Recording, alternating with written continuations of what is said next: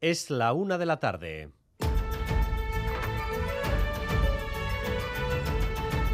Crónica de Euskadi con Dani Álvarez. Arrachaldeón, el acuerdo firmado en el sector del metal de Araba para subir los sueldos de 20.000 trabajadores sitúa a este territorio, a Álava, como el que marca una senda al resto del país. En Mercedes se pactó una subida del 6%. En el metal a la vez esta subida se eleva hasta el 6,5%. ELA se ha quedado fuera. UGT, que ha firmado junto a Comisiones y LAB, reivindica el pacto. El acuerdo de Álava yo creo que va a ser una base importante para el desarrollo de, de futuros acuerdos, ¿no? Begi biztan dago, ez? Begi biztan dago, kasuntan, e, bai labek eta bai komisionesek e, bilatu izan dutena da, ba, hori, ba, patronalak e, mai gainean jarri duen e, akordio, akordio hori, baina gure ustez, hiru greba, egun greba horietara e, joan izan bagina, gehiago lortuko genuen du gabe.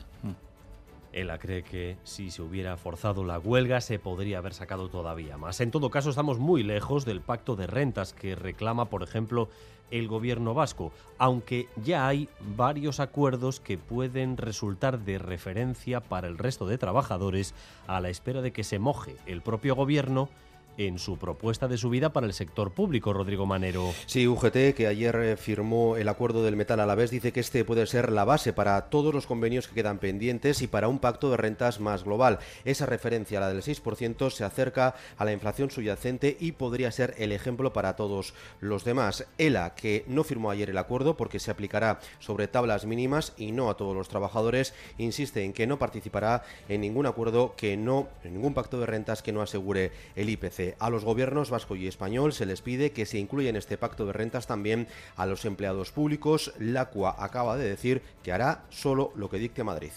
El Partido Popular ha conseguido colocar de nuevo el debate sobre los impuestos encima de la mesa, en los parámetros que más le gustan a Génova, reducir o incluso suprimir impuestos, con la elimina eliminación del impuesto de patrimonio en Andalucía.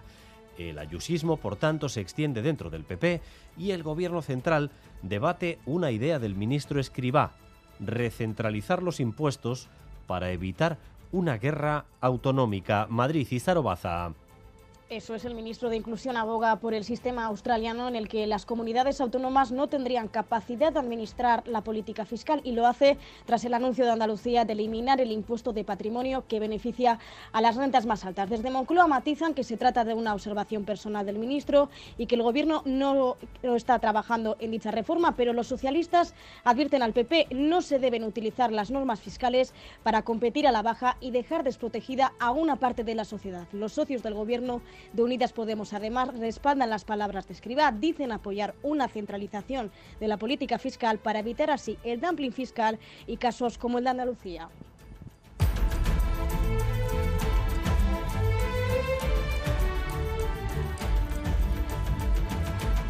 El Partido Socialista de Euskadi se une al círculo que invoca la necesidad de grandes pactos en el debate de política general del jueves. Ayer fueron el Endacari, Euskal Herria Bildu y Podemos IU hoy en Eco Andueza. Bien agonías. Las declaraciones que hizo ayer el Endacari, ese llamamiento a la, a la unidad y a los grandes acuerdos. Creo que esta es una situación en la que se requiere de responsabilidad, de responsabilidad, de dejar los cálculos políticos o los cálculos electorales a un lado. Ayer los datos del Eustat nos confirmaron que nuestro país pierde población. Los fallecimientos superan ya con claridad a los nacimientos y la impresión de nuestra gente pues depende de la edad. Los jóvenes entienden que se tengan menos niños y más tarde, porque hay poca seguridad laboral o en materia de vivienda. Pero los mayores casi casi nos riñen. La estabilidad laboral, el tener una casa es lo que hace que, que, retrases la natalidad. Pues nos metíamos en un piso justitos, pues no teníamos igual ni televisión, ni un sofá, ni una nada, pero es que ahora lo queréis todo. Somos muy de vida en cuadrilla, entonces al final pues también queremos disfrutar un poco de la vida en pareja, de la vida en cuadrilla. No teníamos ese egoísmo que tiene ahora la juventud, de querer vivir eh, ellos. Ahí está, el pulso generacional. Enseguida más. Antes, Cinemaldia acoge hoy la gala del cine vasco. EITV organiza y emite por vez primera en ETV1 esta gala en la que se entregará el premio Cinemira. Esa gala la podrán seguir también en directo vía streaming por www.eitv.eus. Este 2022 será el Cinemira In Memoriam para el jefe de eléctricos Chema Areizaga, fallecido el año pasado, una manera de rendir homenaje al colectivo de técnicas y técnicos. Se proyectará en esa gala la quietud en la tormenta, película de Alberto Gastesi, un drama romántico sobre una generación de treintañeros donostiarras desencantados. Es el sitio donde he estado yendo con Lama desde pequeñito. Lama siempre me ha llevado a la gala. Mi madre ha trabajado en, EAB y me llevaba mucho ahí. Entonces yo asocio mucho esa gala con el Cinemaldi. Y para mí lo que es la mejor época del año desde que soy pequeño, que es esta época del Cinemaldi y tal. Y pues es un sueño. Es parte de un sueño muy largo que empieza con el rodaje y que ha sido como muy intenso y seguido hasta aquí. O sea que todavía no, no me despertado. Recuerden la gala en directo por internet en eitv.eus a partir de las 7 y media, en ETV1 a partir de las diez y media. Vamos también con lo más destacado del deporte con César Pérez de Cazola. Zarracha Aldeón, César. Arracha Don Dani, cita histórica esta tarde para la Real Sociedad Femenina, estreno en la Champions, partido de ida de la eliminatoria previa de la Liga de Campeones, debut en la máxima competición europea por clubes, que el equipo Churdín se ha ganado el derecho de poder jugarla tras su segundo puesto en Liga de la pasada temporada. Desde las 7 de esta tarde en Anoeta ante el potente equipo alemán del Bayern de Múnich. Podrán seguir el partido por ETV Bat y también por nuestra página web eitv.eus. Y en la Feria de San Mateo de Pelota, hoy tercera jornada, en Logroño, Urruti y Anderimaz ante Joaquín Altuna y Martija. Anoche Rijaca y Mariz Currena ganaban 22-19 ante Ezcurdia y Beñat Rezusta.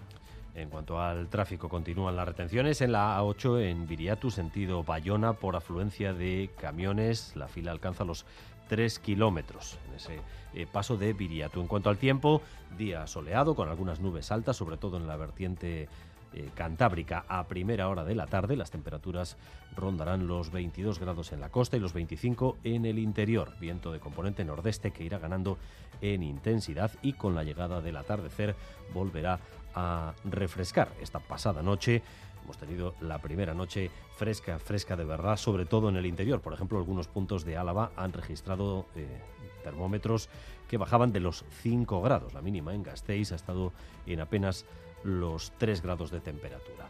Gracias un día más por elegir Radio Euskadi y Radio Vitoria para informarse. Raúl González y José Ignacio Revuelta están en la dirección técnica, Aitziber Bilbao e Irache Ruiz en la coordinación. Crónica de Euskadi con Dani Álvarez.